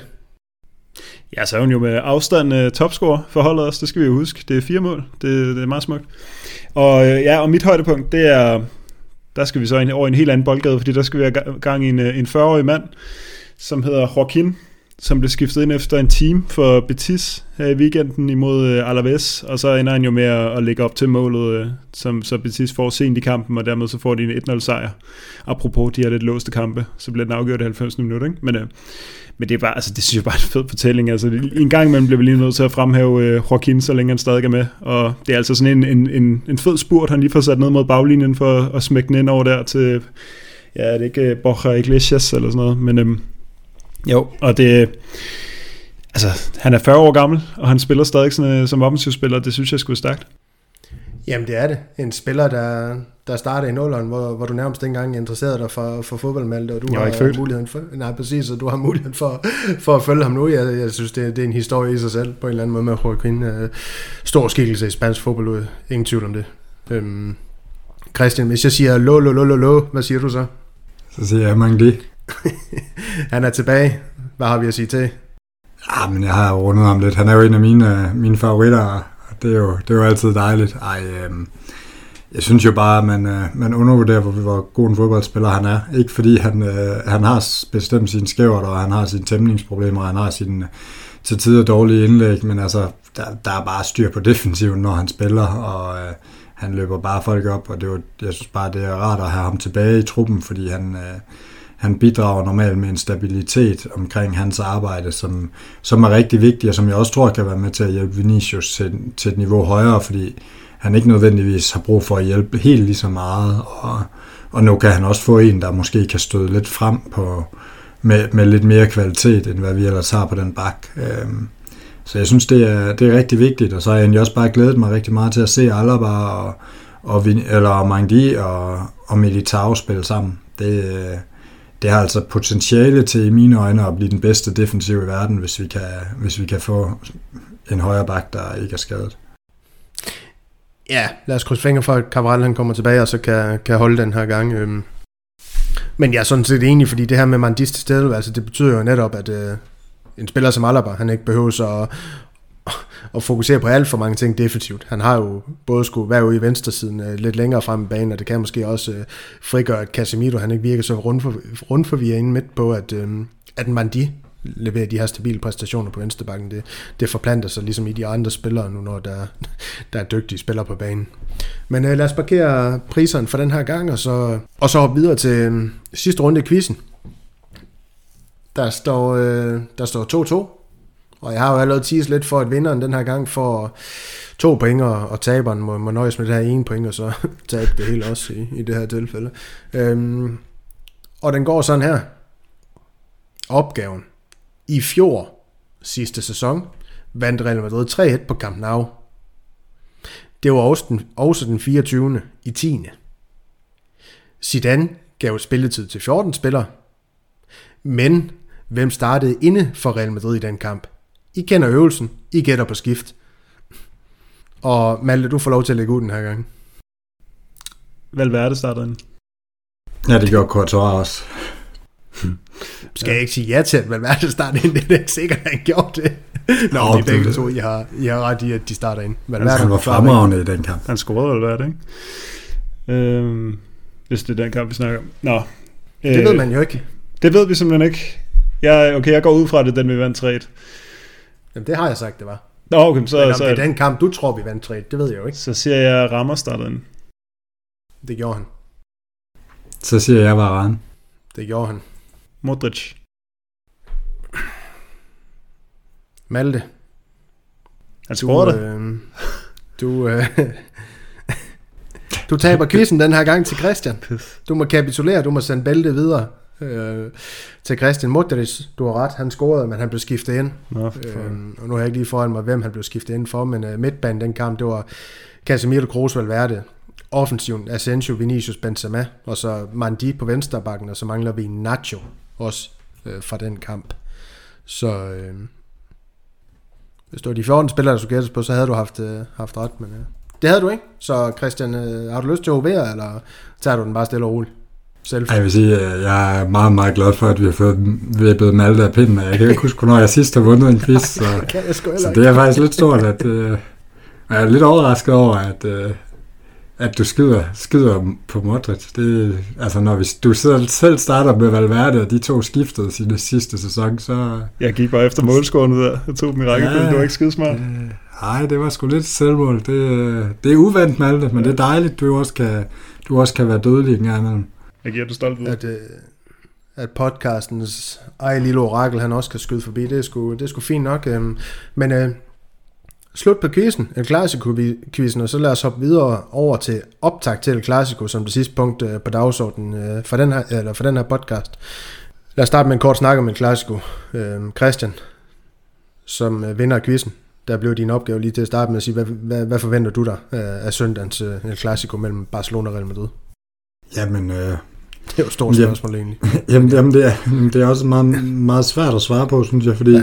det er to hold, der har været så ustabile i den her sæson. Øhm, vi havde jo alle sammen den forventning af, at Real Madrid bare ville, øh, ville være bedre end Barcelona i den her sæson, og det har de jo også været, men det er jo ikke sådan, at det har forplantet sig fuldstændig til stillingen, øh, fordi vi har haft et par misser. Altså normalt vil jeg jo klart sige, at vi var favoritter til det her opgør, når vi ser på, på trupperne, men altså, hvis man om man kigger lidt på det, så en Fati er, er tilbage. En kunde kommer nok også ind og får noget tid, og, og det pace ser jo, ser jo egentlig rimelig godt kørende ud, så, så det er ikke sådan, jeg bare sidder og tænker, at det her det bliver, det bliver en total massakre, og omvendt så har jeg sådan lidt en fornemmelse af, egentlig lidt ligesom da Barca mødte Atletico, at når man ikke har mere kvalitet i truppen, så bliver det som regel også udstillet mod de hold, der har det, særligt når man er på papiret et storhold. Øhm, og hvis Real Madrid kommer foran, særligt hvis man gør det i første halvleg, så, kan, så kunne jeg godt forestille mig, at det her det kunne blive en kæmpe dukkert mentalt for Barca, og det også kunne blive en halv stor sejr. Øhm, så det håber jeg, men jeg, jeg er ikke sådan, jeg er sådan bare sikker på, at vi vinder den her. Jamen, øh, lad, lad mig høre dine tanker om kampen også, Malte, inden vi sådan springer videre i, i det, jeg sådan har, vi skal snakke lidt om. Jamen, det, det er faktisk lidt det samme, at jeg... Øh... Nå, men så lad os springe videre.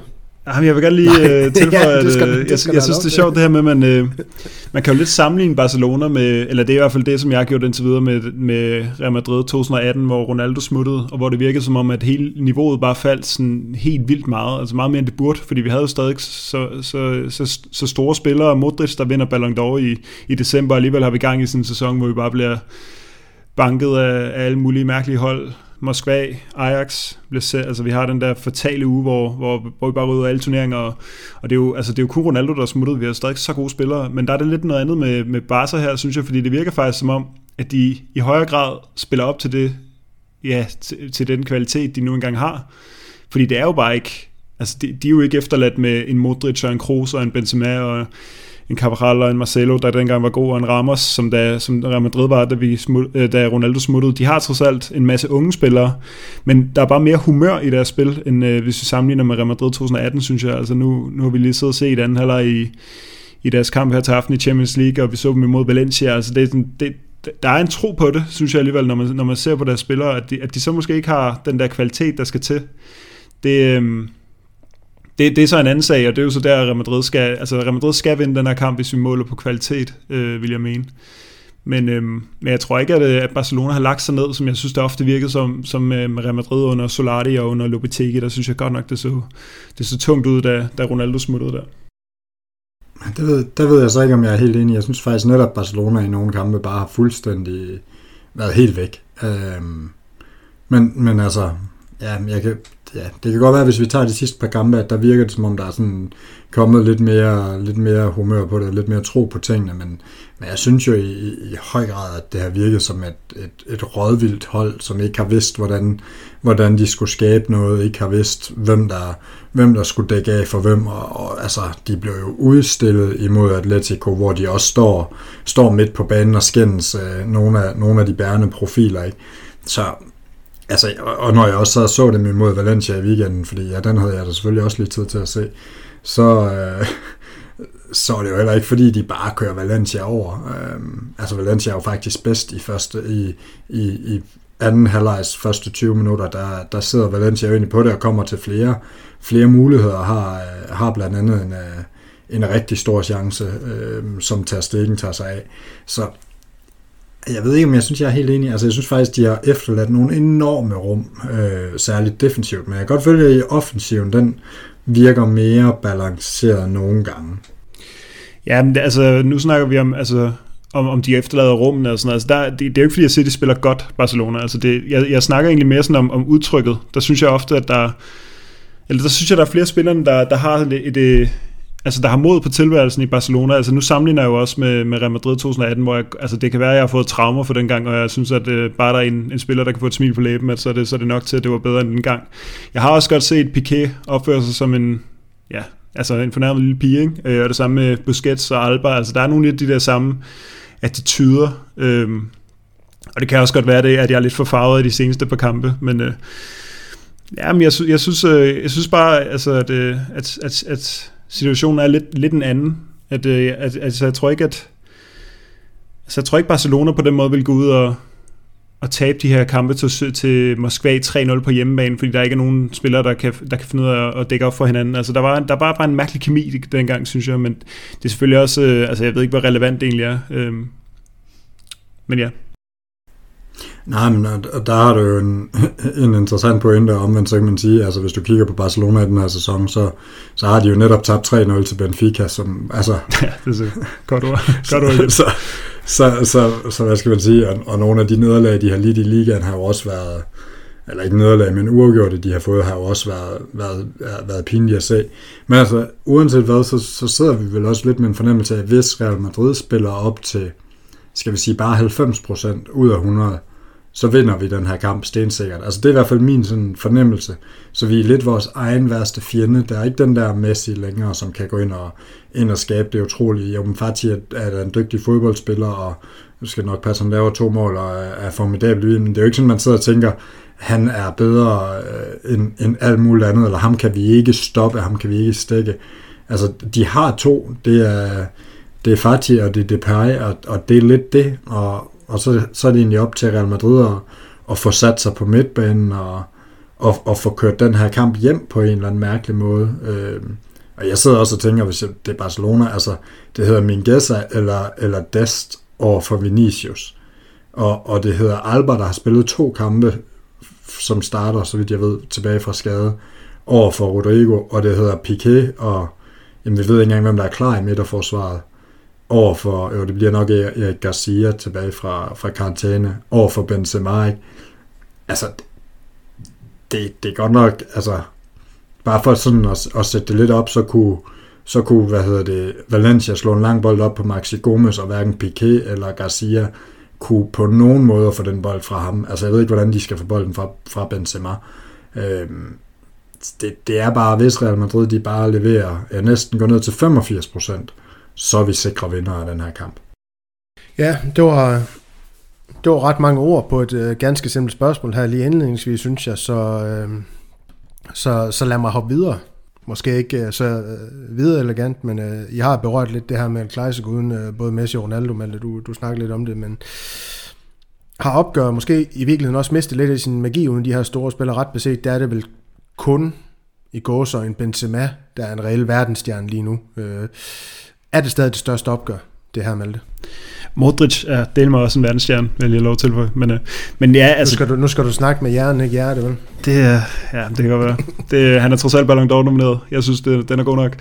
Øhm, ej, jeg synes, øh, det, altså, den har mistet noget, men det er jo, det, altså, ikke for, for mig sådan i, altså, personligt egentlig, men det, det er jo fordi, at vi havde de her kampe for nogle år siden, hvor de var så vigtige, fordi der var ingen af de her hold, der smed point. Altså de blev bare ved med at køre derud af, og det var meget få gange, at man, at man smed de her point, men det, det sker jo meget ofte nu. Vi har allerede snakket om, at ligaen er tættere, så, så hvis du taber en klassiko, altså, så, kan, så kan modstanderholdet jo sagtens gå ud og tabe til Spaniol ugen efter, og, og så kan du ligesom vinde det tilbage. Altså når der ikke er lige så mange... Øh, Altså når der ikke er lige så få point at tabe, som der var for nogle år siden, hvor, hvor, hvor både Real og Barca lå omkring de, de 100 point i, i La Liga, der, der er det jo virkelig en dyr, en dyr sag, at, at man slet ikke får nogen selv, og modstanderholdet løber med tre.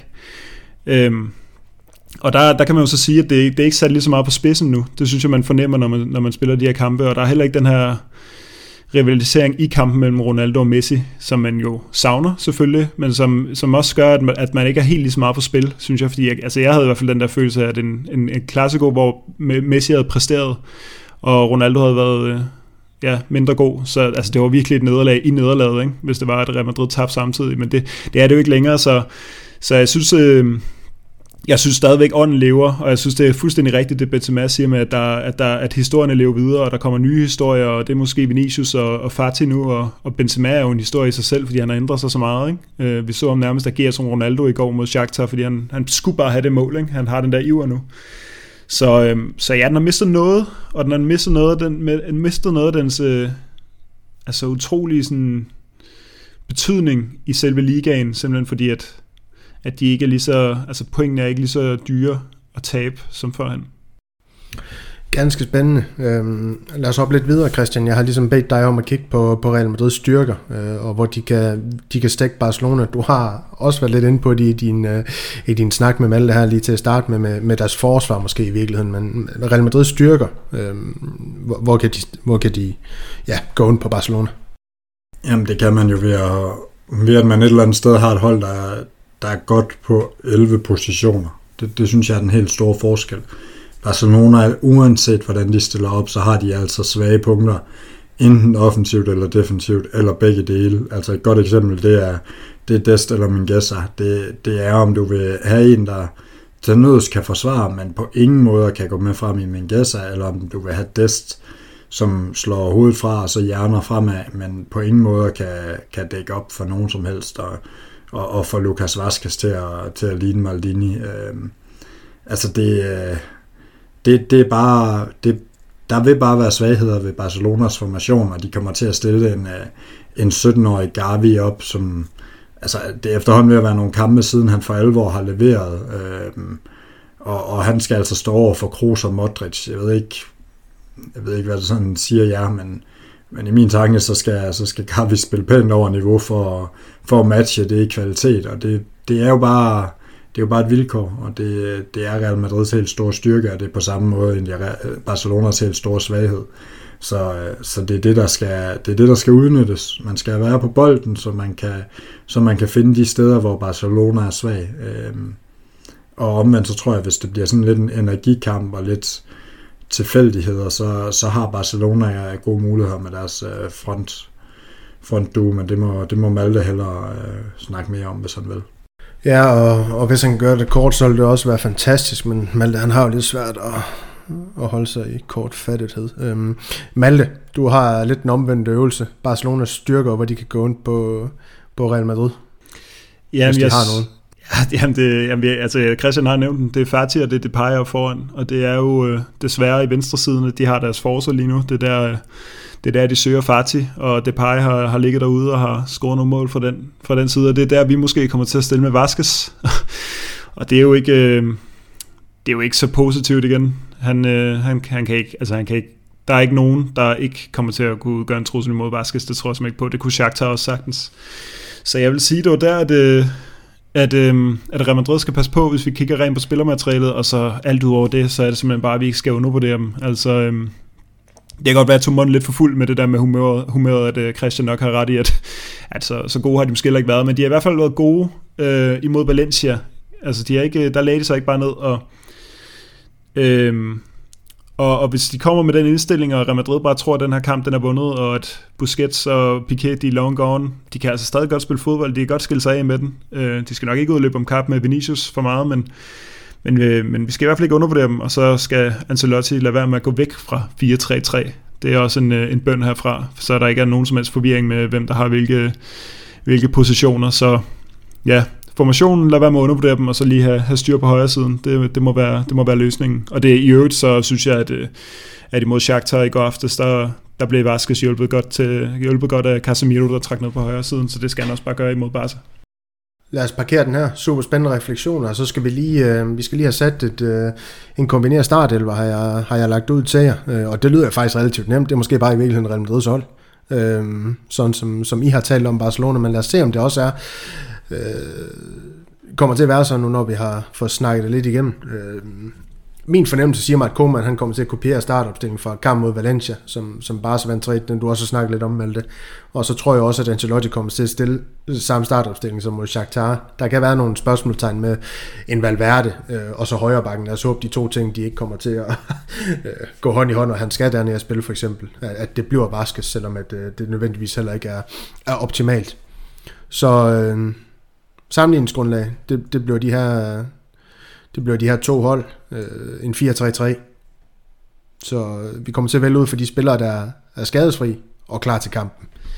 Øh, lad os tage målmandsposten til at starte med. Courtois over for Testegen. Der er, altså det, det er Courtois. Courtois. Øh, der er ikke mange, der kan slå Courtois af på den position der. Jeg vil sige, for et år siden havde, havde det været tæt, men, men jeg synes, Courtois har været bedre end, end Ter Stegen det seneste års tid.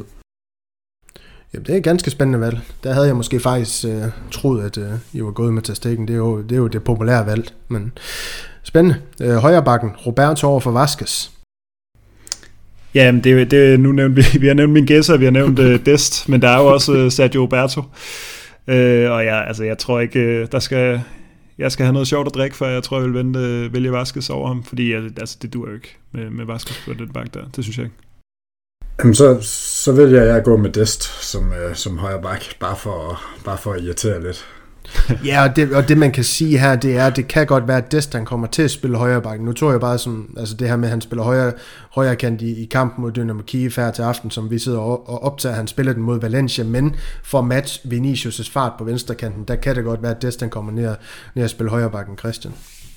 Må man egentlig tage Nacho, fordi jeg synes faktisk, at den er alle, der har højst kvalitet. Jamen det er super, det er super. Vi, vi smider Nacho. Er, er det Nacho, vi, vi kører ind der? Og så starter han også kampen, eller hvordan? Vi kommer godt nok til at lyde øh, forholdsvis, upart, eller forholdsvis partiske, men lad os bare smide Nacho ind. Det er, altså, det er jo, det vil jeg også gå med, frem for Roberto. Så, så vælger jeg at stille Militar over for Piquet. Det kan måske skabe øh, noget debat. det ved jeg ikke. Er Piquet stadig den bedre forsvarsspiller, ham og Militar? Skal jeg starte igen? Jamen, øh, jeg har lige, jeg har, jeg har, jeg har ikke forberedt mig på den her opgave her. Skal det lige? Skal det lige, Jamen, det, det, det, det, er også ja, fint nok. Det er fint øh, nok at få de umiddelbare reaktioner. så, det tror jamen, jeg også, lytterne de sætter pris på nogle gange. Jamen, jeg, jeg, synes, øh, jeg synes simpelthen, han er for langsom, Piquet. Det, det, det dur simpelthen ikke. Og altså, det kommer også an på, hvordan, øh, hvis vi skal snakke spillestil og alt muligt, men hvis med Real Madrids bagkæde... Det skal vi ikke. Vi skal nej. lave en kombineret start. Det er eller bare der er ikke ren, noget taktik eller noget. Det er bare, hvem der er bedst på de forskellige positioner. Åh, ja. Jamen, du tager jo den eneste af vores høje forsvarsspillere, så ikke engang der kan Piquet slå Militao af, fordi han er jo vores høje klippe dernede, så nej, jeg vil, jeg vil også tage Militao. Det vil jeg simpelthen.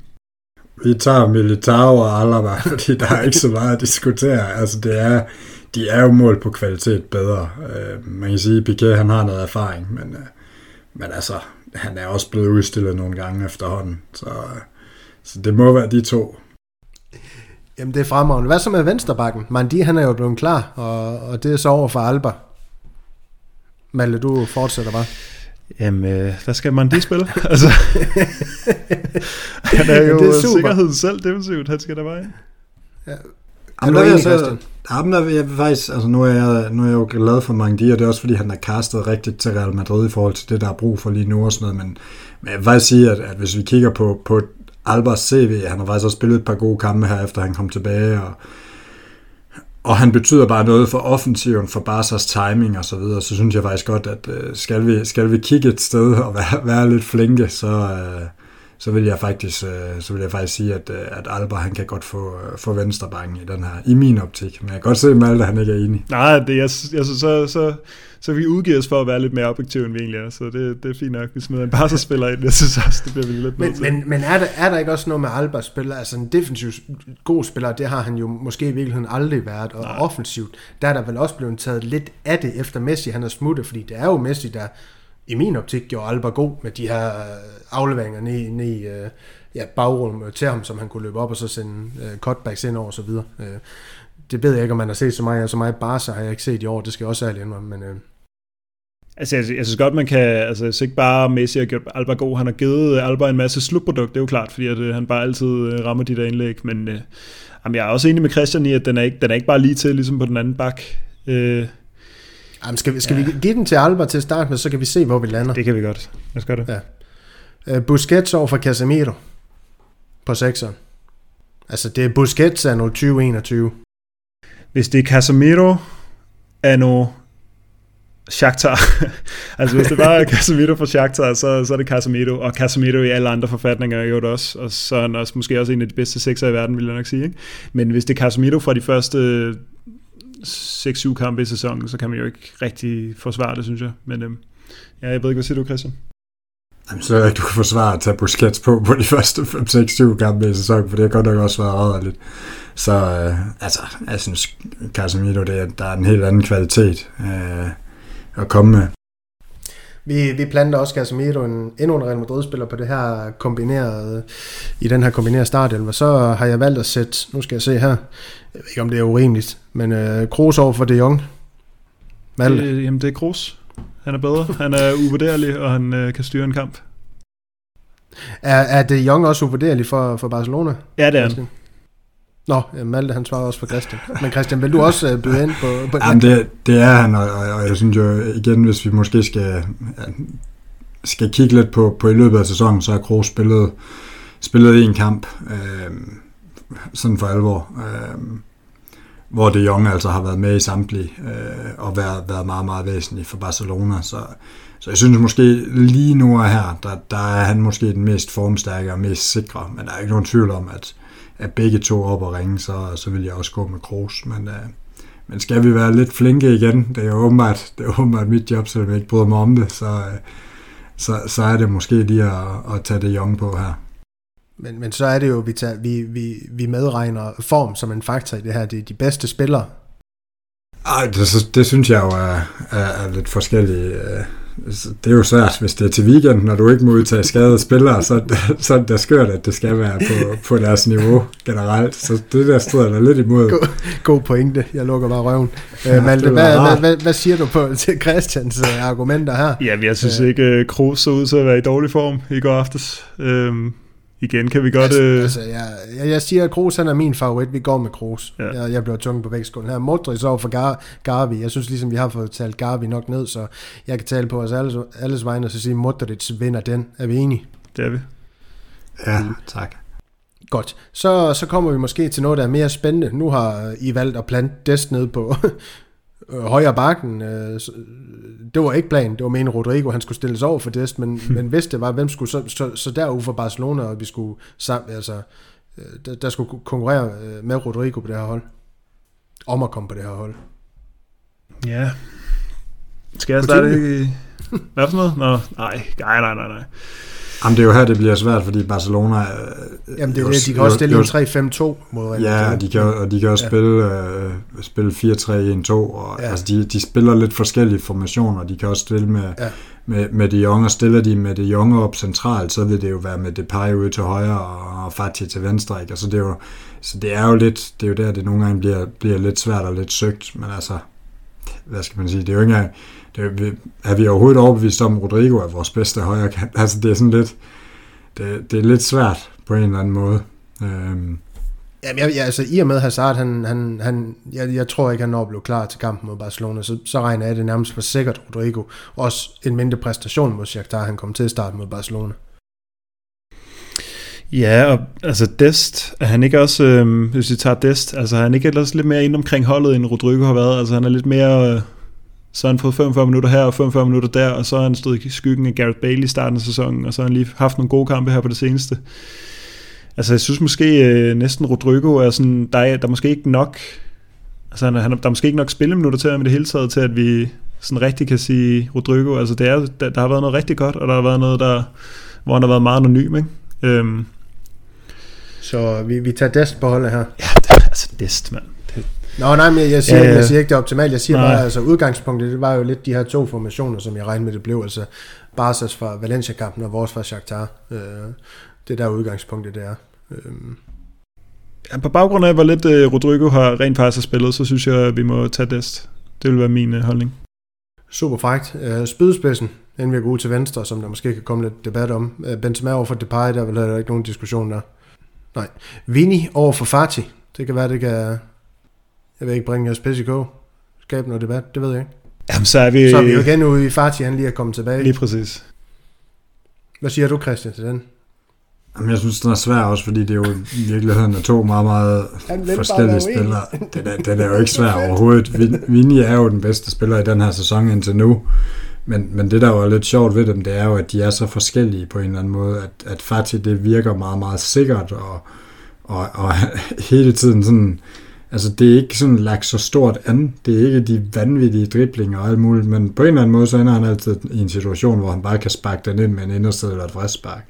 Hvor Vinny, det ved vi jo, det er 8.000 ting, og det er på vej mod en friløber til, til et hat at så vælger han at loppe den. altså, det, det, er sådan, det hele er jo lagt stort an, og, og det er så forskelligt. Øhm, så, så det er jo bare et par sjove spillere, det er også... Altså, jeg tror ikke, der er nogen af klubberne, der vil bytte spiller lige nu, øh, og det er, jo, det er jo også det, der er lidt fedt ved det. Det er jo lidt, lidt Ronaldo og Messi om igen, at, at selvom man godt vidste, at den anden var god, så er der ingen, der vil bytte. Nej, lige præcis. Ligheden mellem de to her, det er jo, at de kommer til at, altså hvis der er nogen lighed, det er, at de kommer til at forme spansk fodbold i, i mange år frem, og, og det kan vi jo så glæde os til som øh, for vores vedkommende fans af Real Madrid med Vini og, og Barca's øh, fans med, med Fati. Men vores kombinerede hold, det, det lyder altså Courtois, Nacho, Militao, Alaba, Alba, Casemiro, Kroos, Modric, Dest, Benzema og Vinicius Junior. Det vil sige, Barcelona de fik klemt to spillere ind i jeres kombinerede startelver. Så det er jo også udtryk for det, det styrkeforhold, I var lidt inde på, der, der er imellem de her to hold nu. Øh, Malte? Vi har måske også været lidt søde ved at smide Nacho ud på højre bakken, i og med at han slet ikke har fået lov til at spille derude stort set. Ikke? Men øh, jeg ved ikke, om vi skal tage en, en reel højre bakke i stedet for. Han har jo bare ligget venstre og centralt. Ikke? Hvem skal vi tage? Vasquez? Roberto. Okay, så tager vi Roberto, så smider der ud. Det er fint. Han er så flink, ham Malte. Ja, det, det er han. Nu, nu forbarmer han sig, efter han har været lidt hård mod Barcelona her i sin, i sin vurdering og spillerne over for hinanden. Men øh, lad os parkere den her, så lige inden vi, jeg, jeg går til afrunding. Bud på resultat, Christian. 1-2. Malte. 2-0 til Real Madrid. Super. Så kan I smutte ned odds på det. Øh, den enighed, der var i panelet om, om resultatet. Om Vi ikke andet, da to mål. Ja, lige præcis. Det kan man jo, det kan man jo tage med. Men uh, lad os, uh, lad os uh, slutte der her. Det var de begave ord, at uh, Malte og, og Christian de kunne få sat, sat på ugen i, uh, i Real Madrid og La Liga og, og spansk fodbold i alle almindelighed. Jeg, jeg synes bestemt, uh, I kom vidt omkring nogle, nogle spændende emner i den her omgang. Uh, husk, vi er at finde på Facebook, Twitter og Instagram. Det kunne være en fordel at søge uh, madridista.dk frem uh, på de medier, hvis man finder os og, og smider os et uh, like derinde. Eller gå ind på Karoline Møller på, øh, på Twitter, og så se, hvem hun senest har fulgt. Så kunne man jo også finde os øh, af den vej. Det er, en, øh, det er en rigtig, rigtig god idé. Og så skal der lyde et ekstra stort tak til Thomas, der valgte at bidrage til vores mobile paybox efter vores Q&A podcast. Og, og tak for din lille bemærkning, du smed med til din donation. Herover tak til alle jer andre for at være med på den her rejse. Husk at dele, like og kommentere på vores produkt. Glem ikke stjernerne i din foretrukne podcast-app, så vi kan komme ud til endnu flere danske madridistas. Vi ses i næste uge, madridistas, hvor vi forhåbentlig skal snakke øh, om en sejr i et klassiko. Alla Madrid. En nærmere mas.